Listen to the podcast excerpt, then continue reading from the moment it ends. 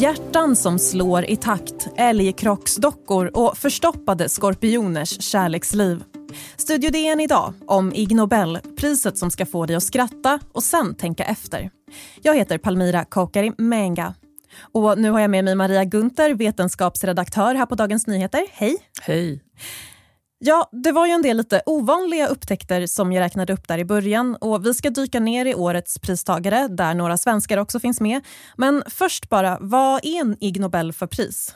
Ja, till att börja med det här namnet, Ig Nobel, det är ju en ordlek. Alltså det leker dels med det engelska ordet ignoble som betyder inte så ädel och så syftar det förstås på Nobelpriset. Så det är ju, ja, det ska, som du sa, ett pris som belönar forskning som först får dig att skratta och sen att tänka. Mm. Och hur går det till när forskare nomineras och vinner? Skickar man in egna upptäckter eller det, finns det någon slags jury? Ja, alltså jag tror att vem som helst kan nominera till priset och så har de en liten grupp som avgör. Um, och jag vet också att den här priskommittén att de kontaktar möjliga pri eller pristagare långt i förväg så att man, man har möjlighet att säga nej om man inte tycker att det är kul att få det här priset. Mm, okay. uh, så att de kollar verkligen att det här är forskare som uppskattar att få det. Och, men alla Ig Nobelpristagare som jag har intervjuat genom åren har varit otroligt glada över att få det här priset. Och ehm, ja, och det, det är ju då, det, han som, eh, det här priset delats ut sedan 91 utav Mark Abrahams, som är den som, har, som, som leder hela, som ligger bakom hela Ig Nobelpriset. Mm. Och han brukar säga att det lönar sig inte att försöka få, alltså designa en studie för, med syftet att få Ig Nobelpriset, okay. det lönar sig inte. Utan det, här ska verkligen, det är verkligen genuin forskning som ändå också är rolig. Då. Mm. Um, om vi börjar med uh, det första priset med en svensk forskare som vinnare. Det är för tillämpad kardiologi. Uh, och han belönas tillsammans med forskare från Tjeckien, Nederländerna, Storbritannien och Aruba också för upptäckten att attraktion kan leda till att människors hjärtan börjar slå i takt. Berätta, vad är det den här forskargruppen har kommit fram till? Ja, alltså den här svenskan heter Daniel Lind och han ingår då, som du säger, i en stor forskargrupp. Och de undersökte då vad som händer under en blind date. Alltså de arrangerade blind dates med människor som inte hade träffats förut och så under tiden så de undersökte precis allt. De liksom mätte ögonrörelser, de mätte eh, gester av liksom hur, hur man hade ögonkontakt, om man tittade bort, om man skrattade ihop eller så. Och de fann att liksom ingenting kanske man skulle kunna tro spelar någon roll, för man blir attraherad av varandra, om man liksom ler eller skrattar ihop eller så. Det spelar ingen roll, men det som avgjorde, avgjorde det var om ens hjärtan började slå i takt. Då kände sig båda attraherade av varandra. Mm. Um, går det att säga vad som är hönan och ägget här? Börjar hjärtan slå i takt för att man är attraherad av varandra eller blir det så och det ökar attraktionen så att säga? Alltså jag frågade faktiskt Daniel Lind, för jag har intervjuat honom det. Han, han, det. det. går inte riktigt att säga, för det är lite för svårt att mäta. Men um, ja, det kan ju vara både och. Mm. Att plötsligt att, att man anpassar sig när man känner sig attraherad, eller att det är det som är orsaken till attraktionen. Mm. Kan man tänka sig att det här kan gälla för annat än romantisk eller sexuell attraktion också? Alltså vänner eller familjemedlemmar eller andra människor som man tycker mycket om? Alltså det vet jag inte. De, de har ju, som han säger, de har lite svårt att få medel för den här. Den här det är inte jättelätt typ forskning att, att, få, att undersöka. Så att de har ju bara tittat på blind dates och bara på heterosexuella par. Då. Eh, men men alltså det, det det verkar väl rimligt. Alltså, om man bara ska gissa så verkar det rimligt. kanske. Mm. Um, och Vad var deras syfte med att undersöka just, just det här med, med hjärtslagen och, och, på, den här, på de här blind datesen? Alltså, grunden för deras forskning är egentligen att undersöka vad som bygger tillit mellan människor. Och Det här visar då att det, det är ju liksom signaler som är omedvetna och som man inte heller kan styra över själv, som ligger, ligger under. Mm. Eh, du har intervjuat Daniel Lind som du nämnde. Ehm, vad säger han om den här vinsten? Han var väldigt glad och väldigt förvånad. För, alltså innan, så han hade hört talas om Ig Nobelpriset innan, men trodde att det här var liksom mest ett, liksom ett eh, pris som handlar om att håna fånig forskning. Då. Men nu har han sett att det här är ju liksom att lyfta fram oväntade studier. Och lite så och det, han hoppas att det här ska ge ännu mer uppmärksamhet till såna här ja, lite, lite svåra, lite ovanliga saker att studera. Mm. Um, och den andra svenska pristagaren i år är Magnus Gens. Han får priset i säkerhetsteknik för ett 21 år gammalt examensarbete från KTH i Stockholm, alltså Kungliga Tekniska högskolan, uh, där han byggde en älgkrockdocka av gummi och stål. Um, kan du beskriva den här dockan? Hur ser den ut? Ja, den är lite svår att beskriva. Den är hög som en älg i rött gummi. Uh, men det ser ut som liksom en, en uh, lite Ja, som en röd, ganska tjock korv som är lite tjockare i ena änden där huvudet sitter, och lite, men lite kompaktare i baken. Och så står den på eh, fyra blå, mycket smala ben, ungefär som en älg. Alltså det som är grejen med älglyckor är just att man slår undan benen och så får man den tjocka, tunga älgkroppen på bilen. Och Det är det de försöker simulera då med den här krockdockan. Eh, och det var ju 21 år sedan han, han gjorde det här examensarbetet. Vad, vad används den här dockan till idag? Har den kommit till användning? på något Ja, sätt? de använder den i en del krocktester.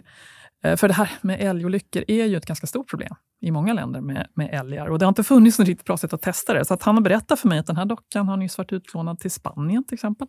Och han sa också att en av världens främsta el, tillverkare av elbilar har lånat den här. Han sa inte vilken, men jag gissar. Den kan man kanske gissa, gissa. vilken den är. Um, och Du har intervjuat även honom uh, och han sa att han inte riktigt hade förstått hur stort Ig Nobel var förrän nu. Nej. Um, vad hoppas han att priset ska leda till? Ja, nu har han ju förstått hur stort det är, för nu har han blivit kontaktad av journalister från hela världen och så där, som vill prata med honom. Och dessutom så ingår i det här en stående inbjudan att komma och föreläsa på Harvard. Och det sa han, det här måste han ju ta. Det är enda chansen man får i livet för något sånt. Mm. Um, nu måste vi också nämna den här tredje upptäckten som tog upp, togs upp här i introt i början. Eh, alltså förstoppade skorpioners kärleksliv. Och Det här handlar alltså om djuret och inte om förstoppade människor med stjärntecknet skorpion. Vad går den här studien ut på? Ja, det tycker jag var en skojig studie. Det, det, är ju så att det finns ju vissa djur som kan göra sig av med en kroppsdel om de blir hotade, till exempel som ödlor som kan tappa svansen. Och Då finns det en, en typ av skorpioner som lever i Sydamerika som också kan göra det här. De släpper en bit av sin svans, eller bakre delen av kroppen är det ju då. Men för att, när de ska undkomma rovdjur till exempel.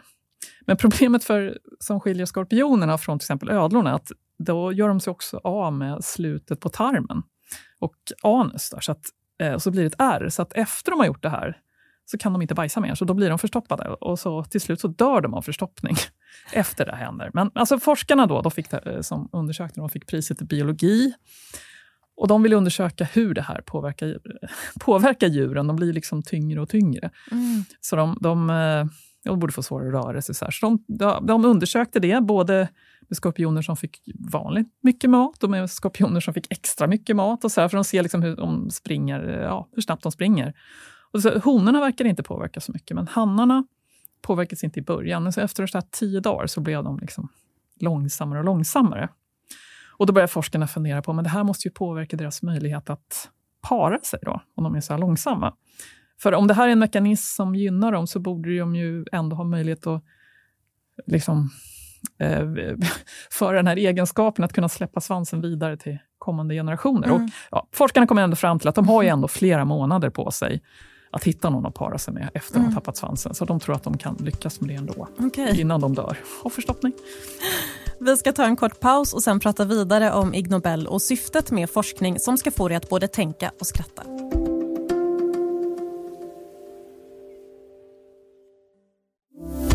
Studio DN idag om Ig Nobel, priset som ska lyfta fram rolig forskning. Och Maria Gunther, vetenskapsredaktör här på Dagens Nyheter.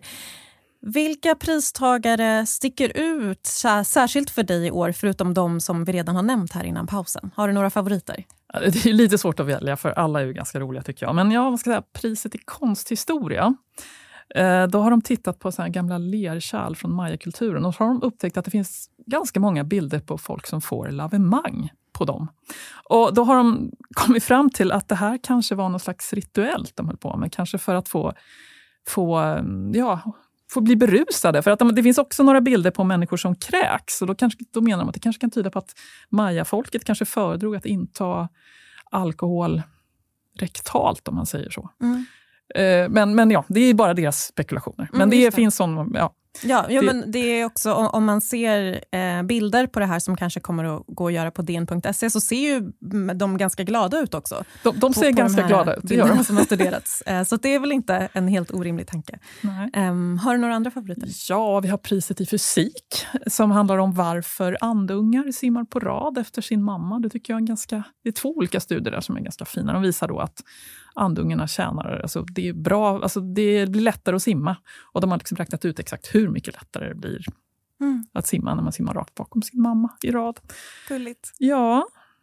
Um, det var ju också, finns också ett litteraturpris uh, som handlar om uh, varför kontrakt är obegripliga. Det tyckte jag var lite kul. Ja, precis. Och det, då är det, det, de kommer fram till att det är ju inte så att det är att, för att vi inte kan juridik som, uh, som kontrakt är obegripliga, utan det är helt enkelt för att de är så illa skrivna. Jag menar att jurister borde skriva enkel som, som är lättare att förstå med ord som vanliga människor begriper och med meningskonstruktioner som mm. är lite lättare att förstå. Lite för jobbigt att läsa bara helt enkelt? Kanske. Ja, mm. precis. Uh, ja. Uh, det finns ju ett medicinpris också. Ja det, uh. ja, det var också ganska roligt. Det är att glass kan användas vid cancerbehandling för att undvika vissa typer av biverkningar som man kan få av såna här cystostatikabehandlingar. Ofta får man problem med munslemhinnan, men vet att om man äter glass långsamt medan man får cellgifter så kan det bli mindre biverkningar. Mm. Eh, ja. Sen har vi fredspriset som handlar om eh, skvaller. Då. Och då har de en matematisk modell som ska veta att när det är bra att, när man ska skvallra om någon annan, när det är bra att, man, eh, att välja att berätta sant skvaller och när det kan vara bättre att ljuga mm. när man skvallrar. Så den här studien handlar inte, alltså inte om när det är bra att skvallra och inte, utan, utan om när man ska säga sant skvaller och när det är bättre att hitta på skvaller? Absolut, och de säger att skvaller är avgörande för att vi ska kunna samarbeta. Liksom. Man, mm. Så eh, det, det, det är utgångspunkten, att skvaller är något bra. Men sen så kan man bestämma om skvaller, alltså bra för, att, för för, eh, ja, för att vi ska kunna samarbeta. Då, ja. Ja. Skvaller som fredsmäkling, det är intressant. Um, men det här med forskning som ska få en både att skratta och tänka. Um, vad kan det ha för högre syfte, förutom att det bara är kul?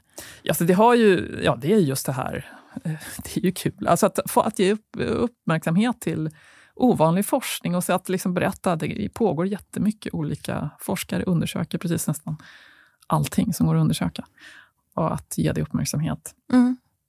Det känns ju nästan lite, mm, kan jag tycka, som en hyllning till fantasin på något vis. Att det är människor som har kommit på ovanliga Liksom, men ägnat väldigt mycket tid åt de här ovanliga idéerna och att ta reda på någonting. Absolut, så är det ju. Eh, och sen kan man, måste man tillägga då att ibland, vissa av de här priserna ges ju lite som kritik också. Till exempel så fick Donald Trump och Bolsonaro fick, det, fick priset i folkhälsa för hur de hade inte, eller hur illa de hade hanterat pandemin. Mm.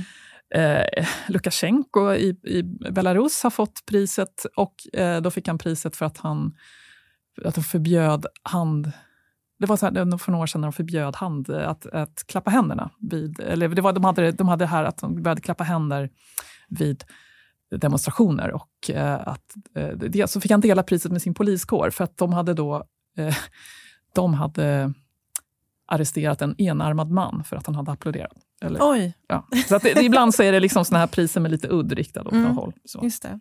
Eh, vad vinner pristagarna? Ja, de får förutom äran då, så får de en sedel på 10 000 miljarder zimbabwiska dollar. Den är då värd några kronor. Eh, och sen så får de en, eh, varje år så är det ett specialpris. Eh, och nu har för tredje året i rad så har den här, den här ceremonin helt digital i år på grund av pandemin. Så då har de, i år får de en pdf-fil som de får skriva ut hemma och vika ihop till ett pris. Jag vet faktiskt inte vad det var för pris i år. Förra året så var det en ett kugghjul där tänderna stod ut som människotänder som de fick Oj. skriva ut och bygga ihop. Jag vet inte vad det var i år faktiskt. Uh, men för annars så brukar det vara en, en, fysisk ceremoni och visst är det så att nobelpristagare, alltså för original Nobelpriset eller vad man ska kalla det, brukar uh, vara där då också? Ja, absolut, och det, det, i år också är det faktiskt riktiga nobelpristagare som delar ut priset. Men då har de gjort det så här snyggt att står en nobelpristagare i, på en ruta och så låtsas, alltså lämnar priset ur bild och så står pristagaren där hemma hos sig och tar emot priset samtidigt. Så det, det, är en riktiga nobelpristagare som delar ut i år också, mm. även om det är digitalt. Men annars är det ju på Harvard i Boston, som de, eh, på Sanders Theater, som de delar ut det med fler än tusen åskådare i publiken. Mm. Um, har du någon forskning som du håller ögonen på eller som du har hållit ögonen på som du hoppas kanske ska vinna någon ja, gång? Ja, ja ett, en studie som jag tror kommer få så småningom kanske, det är att man har hittat rester av eh, mammutfötter i, alltså, i botten på, på sjöar. Och eh, eh, teorin är då att man har att jägare som har använt sjön som ett kylskåp. Att man har jagat en jättestor mammut och sen så har man liksom eh, sänkt den i en sjö och så har man gått och tagit bitar allt eftersom och så har den varit nedkyld där i sjön. Så att jag tycker mm. ja, Det är en studie som jag har sett som mm. kanske får pris någon gång. Vi får se. Tack så mycket Maria Gunther, vetenskapsredaktör på Dagens Nyheter. Tack. Om du vill kontakta oss går det bra att mejla till studiodn dn.se. Och kom ihåg att prenumerera på Studio DN där du lyssnar på poddar så missar du inga avsnitt. Studio DN görs för Podplay av producent Sabina Marmulakai, ljudtekniker Patrik Miesenberger, teknik Oliver Bergman på Bauer Media och jag heter Palmira Kokari Menga.